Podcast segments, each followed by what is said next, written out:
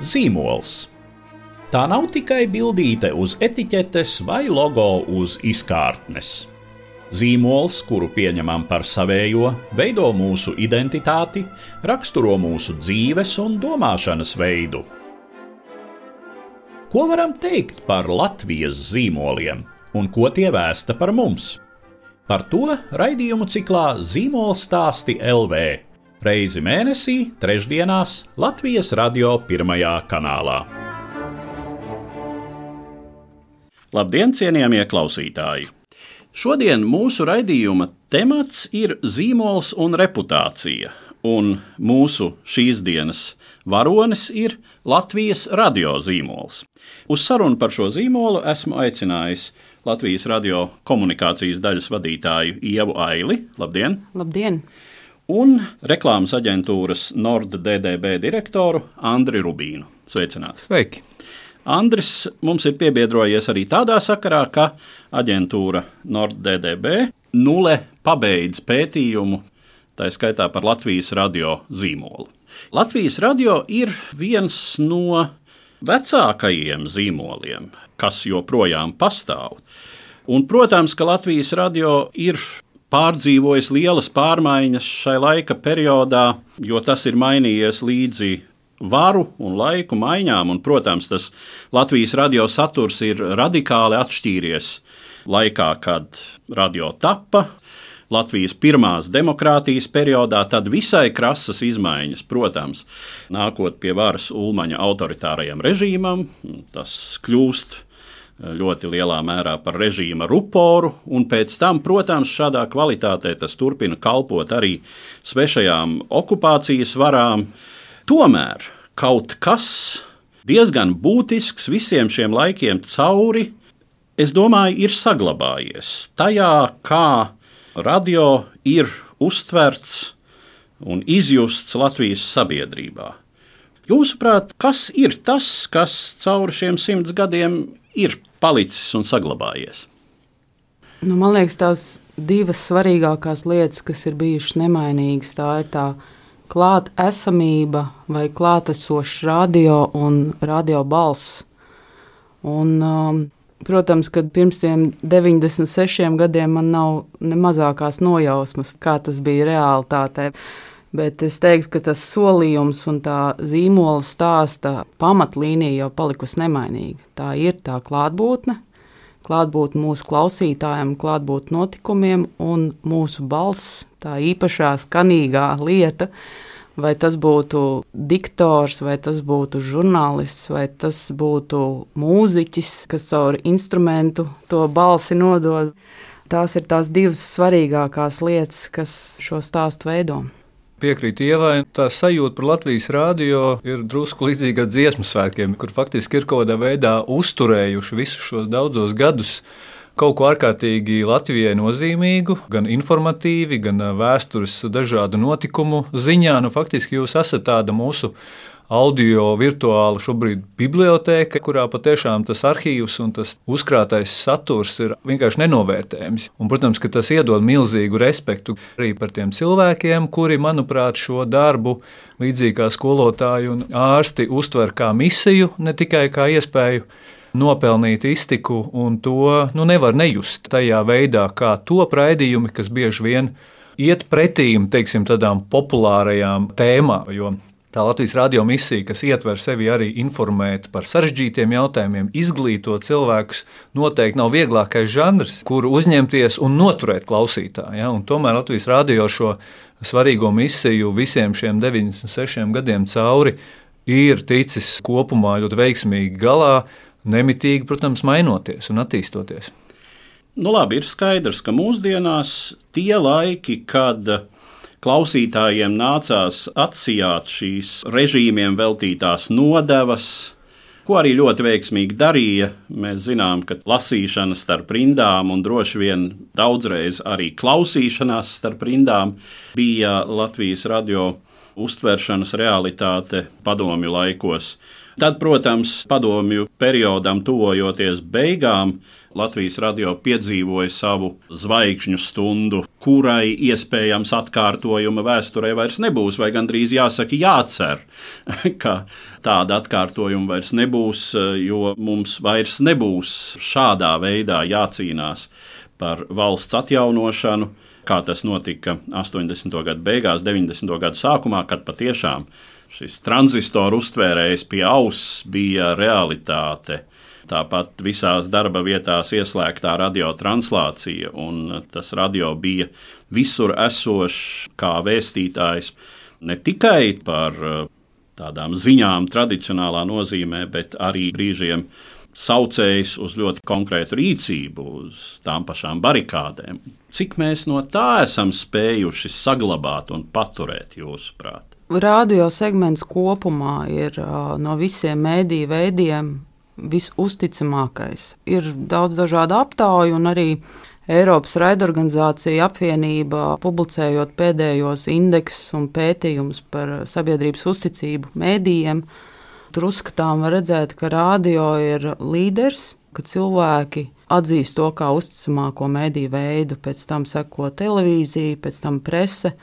Un tur pa apakšu maisās internetu mēdīja, sociālo tīklu vidēji tas vērtējums ir viskritiskākais. Loģiski, jo šobrīd tur vispār kurš saprot, kur ir žurnālistika, kur ir komentēšana, kur ir influenceru darbība un viss pārējais. Līdz ar to tas mandāts ir tiešām liels, un, ja mēs paskatāmies atkal tos pašus pētījumus, patiesībā rādio ir top trīniekā, te jau aiz armijas un policijas uzreiz nākamais, kam sabiedrība to savu uzticības latiņu ir iedavusi. Un nepavēlti radio ir arī pat Nacionālās drošības apziņošanas sistēmā. Tas mūsu cilvēku DNS kods, kas radio mājā ir ar šo misijas apziņu strādājot šeit jau laikam trīs ar pus gadus, es dien dienā to redzu, tā misijas apziņa, tā veselīgā spīta stīga, kas ir radio cilvēkos, lai tiešām nodrošinātu objektīvo, operatīvo, daudzveidīgo informāciju, viņa ir, viņa nekur nav pazudusi. Es domāju, ka viņa arī nekur nepazudīs. Tad drīzāk ir jautājums, kas cilvēkam, kas klausītājam būs tie pieņemamākie formāti, kā viņš šo informāciju patērēs, es nezinu, pēc gadiem 10, 20 un 50. Iespējams, tur gan ir gaidāmas dažādas izmaiņas, Jo ierastais radioaparāts eh, virtuvē vairs varbūt nebūs tas klasiskākais veids, kā to saturu patērēs, bet uh, mums ir jāiet laikam līdzi. Mēs mērķiecīgi pie tā domājam un strādājam, lai būtu arī dažādās citādās platformās, un pie klausītājiem mēs vienā vai otrā veidā tāpat nonāksim. Vai radio vispār būtu jābūvē savus zīmolus tā, kā to dara nu, jebkurš cits uzņēmums, jebkurš cits zīmola veidotājs. Jo radiodarbība tā jau ir simtprocentīga komunikācija. Vai, teiksim, radio vēl vajadzētu komunicēt savu zīmolu kā tādu?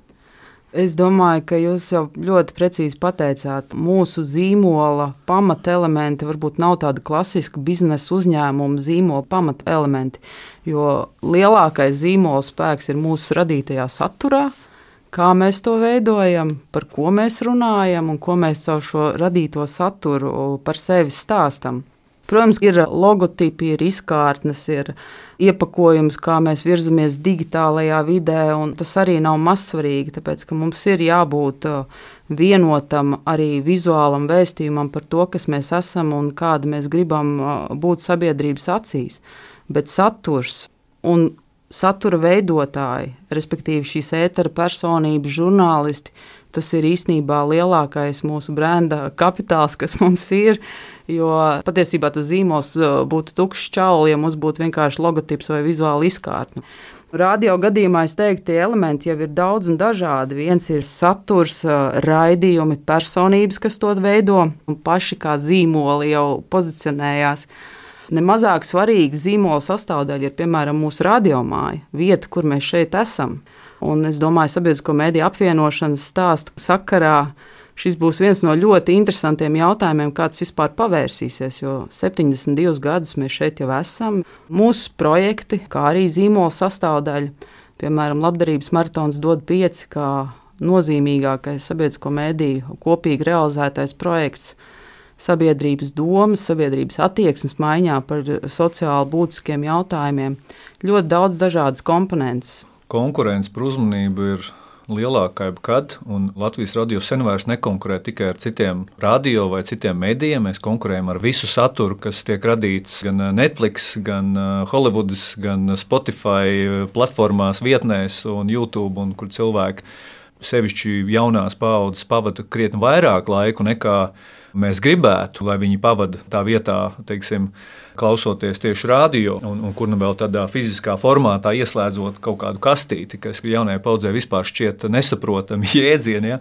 Līdz ar to es domāju, ka lai cik nebūtu spēcīgs šis Latvijas radio emocionāli tāds vēsturiskais nospiedums, tiksim, skaidrs, ka viņš ir turpat, kur es nezinu, laima webs, viņam ir noteikti svarīga loma Latvijas zīmolu tādā mūsu kanonā, bet vienlaikus tas jau neko negarantē par to, cik mums spož šī zīmola reputācija situācija būs rīt vai parīt.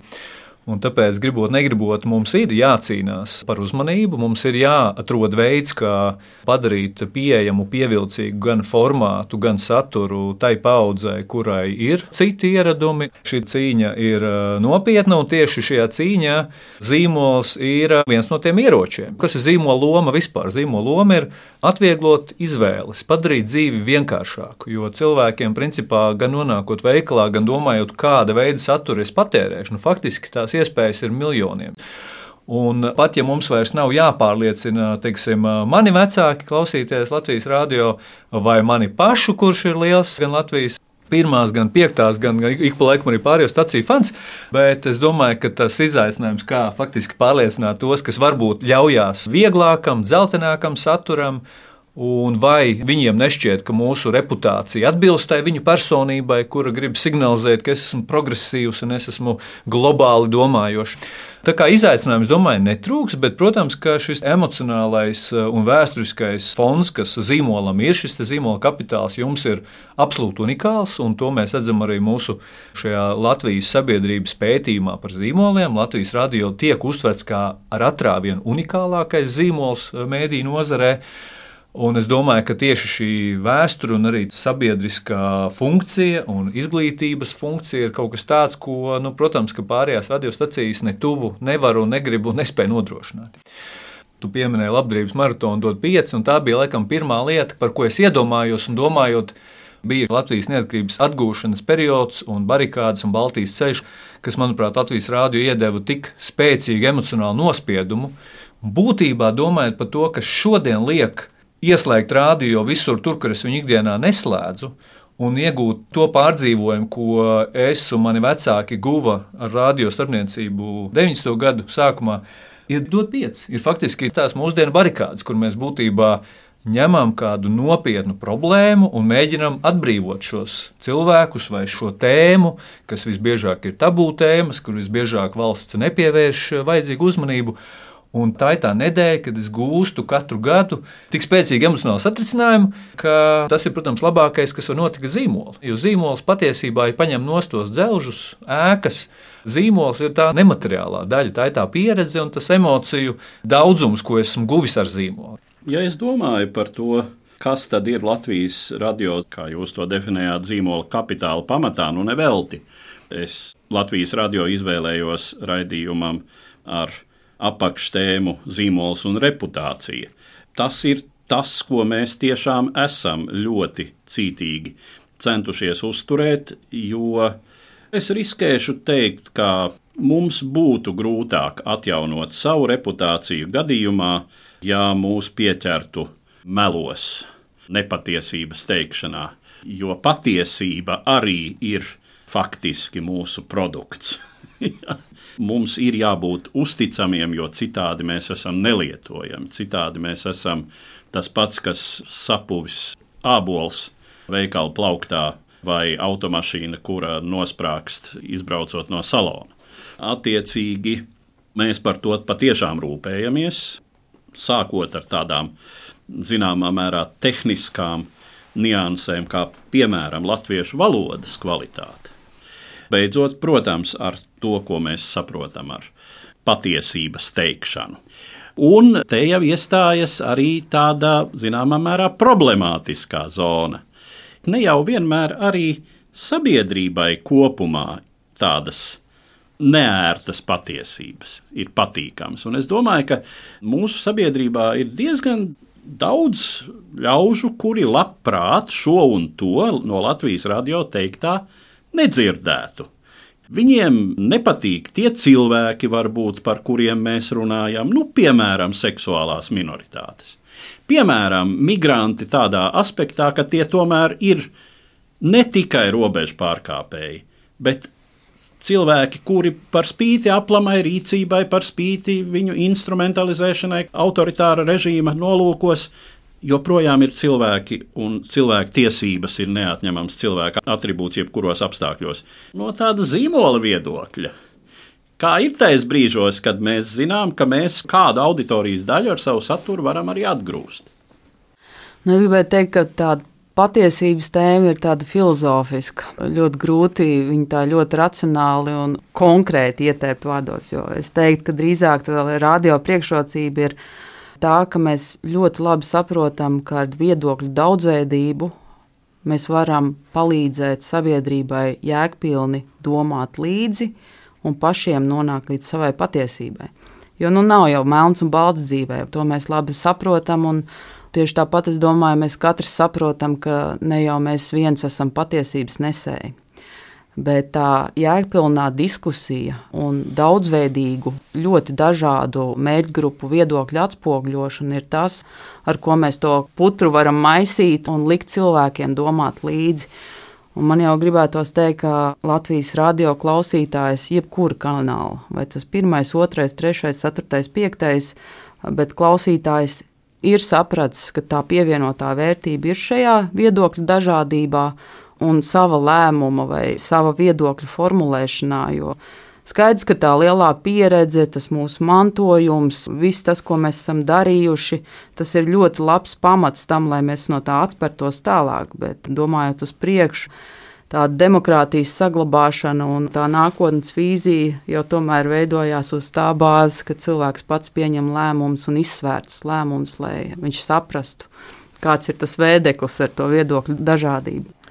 Jā, es varu piebilst kontekstam, protams, ka tā mēdīju vide ir degradēta gan Latvijā, gan pasaulē. Tieši tāpēc, ka daudzi tādi ļoti kvalitīvi mēdīji nav spējuši konkurēt ar šiem globālajiem sociālo tīklu piedāvātajām gan reklāmdevējiem iespējām, gan kaut kādām viegli patērējama satura iespējām, kas ir vienkārši būtībā atņēmuši vai nu dzīvību, vai nu tie arī daudzi Latvijas esošie mēdīji, kas joprojām pastāv, diemžēl vairs nav uzticami. Ja? Un būtībā man pašam ir ļoti grūti uzticēties jebkuram, pat varbūt pietiekami kvalitīvam rakstam, avīzē, žurnālā, kurš ir starplaikā izpildījis vai nu priekšvēlēšanu laikā acīm redzamas īpašnieku vēlmes vai acīm redzami iestājies par kaut kādu jautājumu tik agresīvā formā, ka tas ir licis tiešām apšaubīt šī mēdīja neutralitāti, uzticamību, drošību. Un patiesībā, protams, ka reputāciju ir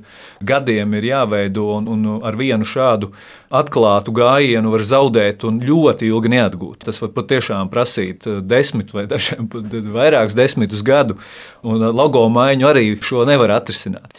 Bet kas ir labi par Latvijas radio mīlētājiem, par to jūsu auditoriju, es patiesībā gribētu, eh, ja vien tā būtu iespēja, kad kaut kādu dzīves periodu visiem Latvijas iedzīvotājiem būtu jāklausās Latvijas radio, jo tas eh, būtu daļai atrisinājis arī to situāciju, kurā mēs esam šobrīd ar pandēmiju. Jo, ko mēs redzam datos? Tad Latvijas radio fani, mīlētāji, kā mēs viņus saucam, daudz vairāk uzticās zinātnē, vairāk paļaujas uz zinātnieku ieteikumiem, vairāk interesējās par ekonomiku un politiku tic, ka vakcīnas ir drošas, un tā starpība ir liela, ja salīdzinām Latvijas radio mīlētājus ar vidējo sabiedrības rādītāju. Tad, tad jau no šī viena, kas ir maza šķautne no tā mūsu teiksim, pastāvīgā klausītāja, ja, mēs redzam, ka viņiem ir viedums, kritiskā domāšana.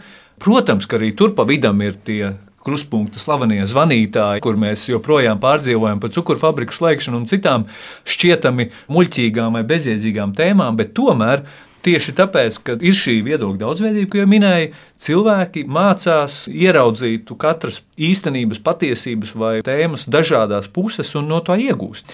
Un bez šīs kritiskās domāšanas vieduma mēs redzam, ka Latvijas radio mīlētāji ir arī atbildīgāki, zaļāki, ar plašāku sirdi, ko tas nozīmē, kad vairāk šķiro atkritumus, interesē vidas aizsardzība, ziedo organizācijām dažādām, ja un atkal atšķirība ir ļoti nozīmīga pret vidējo sabiedrības rādītāju. Un visbeidzot, Latvijas radio mīlētāji, tas varbūt nav pārsteigums, ir daudz lielāki patrioti vairāk tic arī valdībai, lai kā mēs viņu nelamātu, daudz gatavāki būtu mobilizēties un doties bruņotajos spēkos, ja Latvijai šādi riski būtu.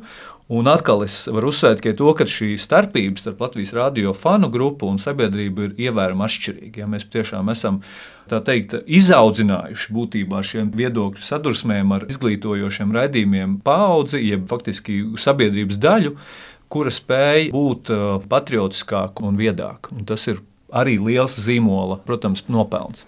Tie pētījumi dati, ko Andris tikko minēja, atspoguļo precīzi to, ka tās mūsu nospraustās vērtības tiek iemiesotas dzīvē. Tā ir uh, stāsta daļa par profesionālo žurnālistiku, par nacionālo identitāti, par demokrātijas saglabāšanu, par dzīves kvalitātes pilnveidi, kas arī ir mūsu viena no līnijām. Sabiedrības saliedētība, tās visas vērtības ir nosaktas, un tas arī parādās datos. Un, ja mēs arī skatāmies to auditorijas daļu, cik mēs vispār sasniedzam cilvēku Latvijā, Latvijas rādio tādā ziņā ir ļoti labā pozīcijā, jo mūsu klausītājs ir ļoti stabils. Tie ir gandrīz 800 tūkstoši cilvēku Latvijā. Ar visu mūsu piecu kanālu grozu mēs tiekam sadzirdēti, saklausīti. Un mums nav tāda strauja auditorijas svārstība vai kritums, kā piemēram televīzijas segments šobrīd to piedzīvo. Šo ir ļoti glaimojoši dzirdēt, un var eh, atvieglot nopūsties, ka viss joprojām ir daudz maz kārtībā.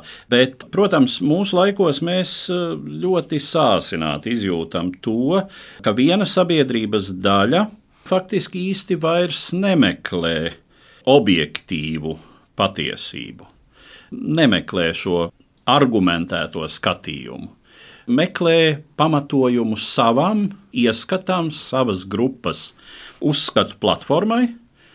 Šajā ziņā sociālie tīkli un globālais tīmeklis vispār, protams, piedāvā, jo tur var ātri atrast un selektīvi izvēloties faktus, vai dabūjot tur jau gatavus tādus eh, klišejiskus ieskatus, kurus tad var lietot. Nu, to mēs visu ļoti labi redzam tajā, ko mēs eh, šobrīd apzīmējam ar antivakcīnistu vai vakcīnu skeptiķu grupu, kas Latvijā ir eh, ievērojami liela.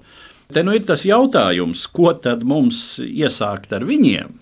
Savā ziņā tas, ko es domāju, Latvijas radio cenšas darīt, vairāk vai mazāk sekmīgi. Es domāju, ka tā nav viegla lieta. Ir būtībā tam saturam ir uh, nu, viņu jāiepako valodā, veidā, kas var sasniegt šo nu, nosacītu kaķu video fanus, vai kurus vieglāk ir sasniegt ar, ar kaut kādu šādu salīdzinošu, šķietamu, vieglu un izklaidējušu saturu.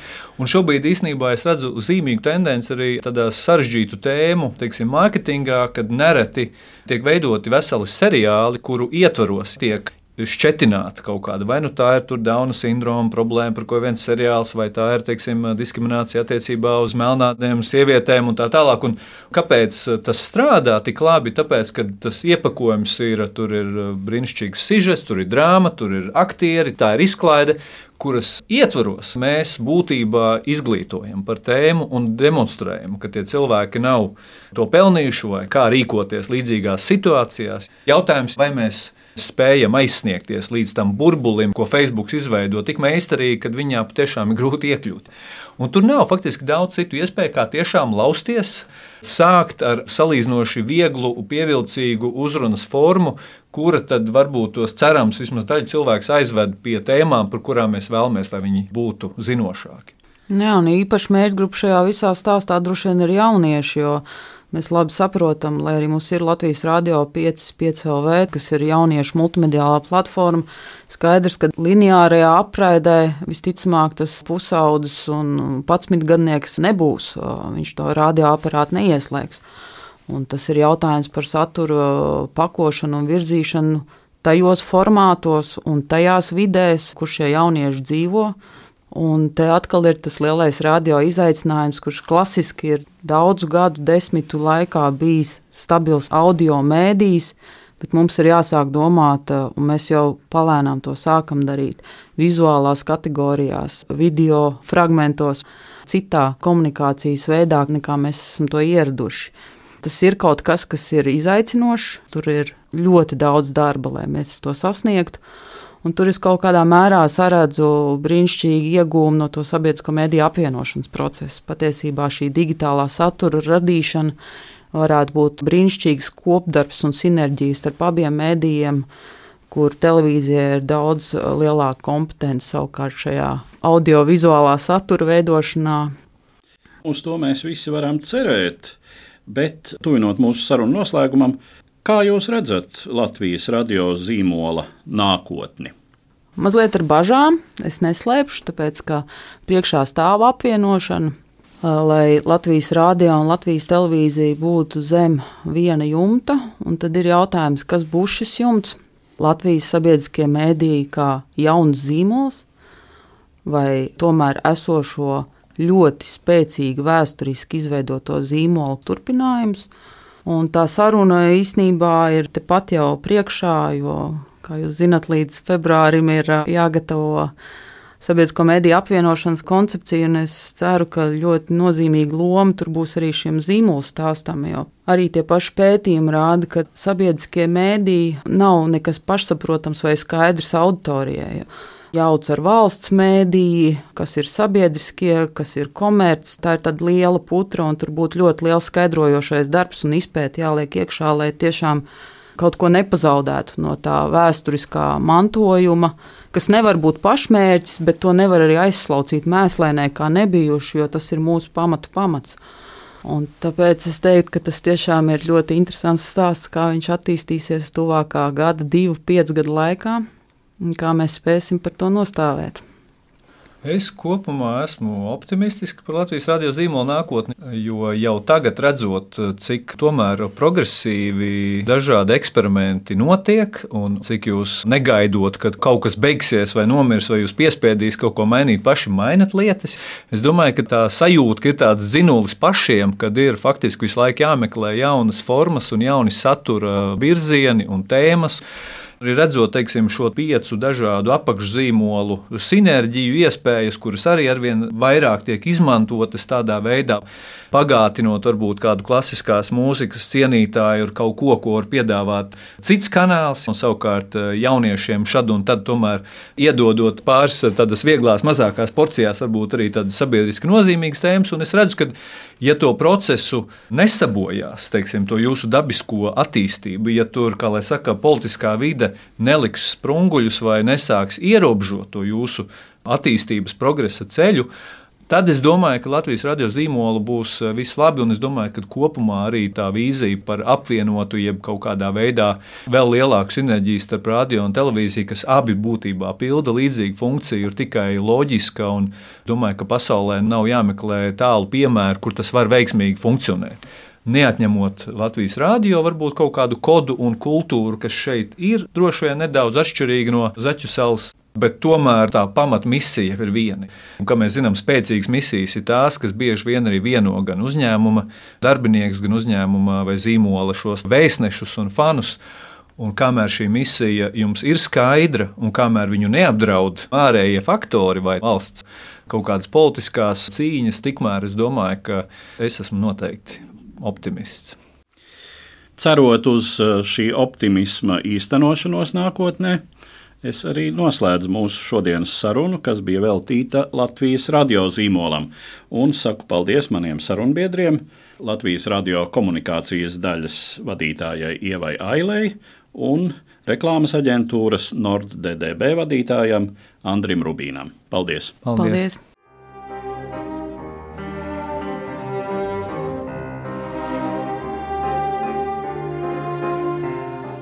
Ko varam teikt par Latvijas zīmoliem un ko tie vēsta par mums? Sarunas ar zīmolvedības teorētiķiem un praktiķiem raidījumu ciklā Zīmola stāsti LV. Reizi mēnesī, trešdienās pēc pulksten trijiem pēcpusdienā Latvijas radio pirmajā kanālā.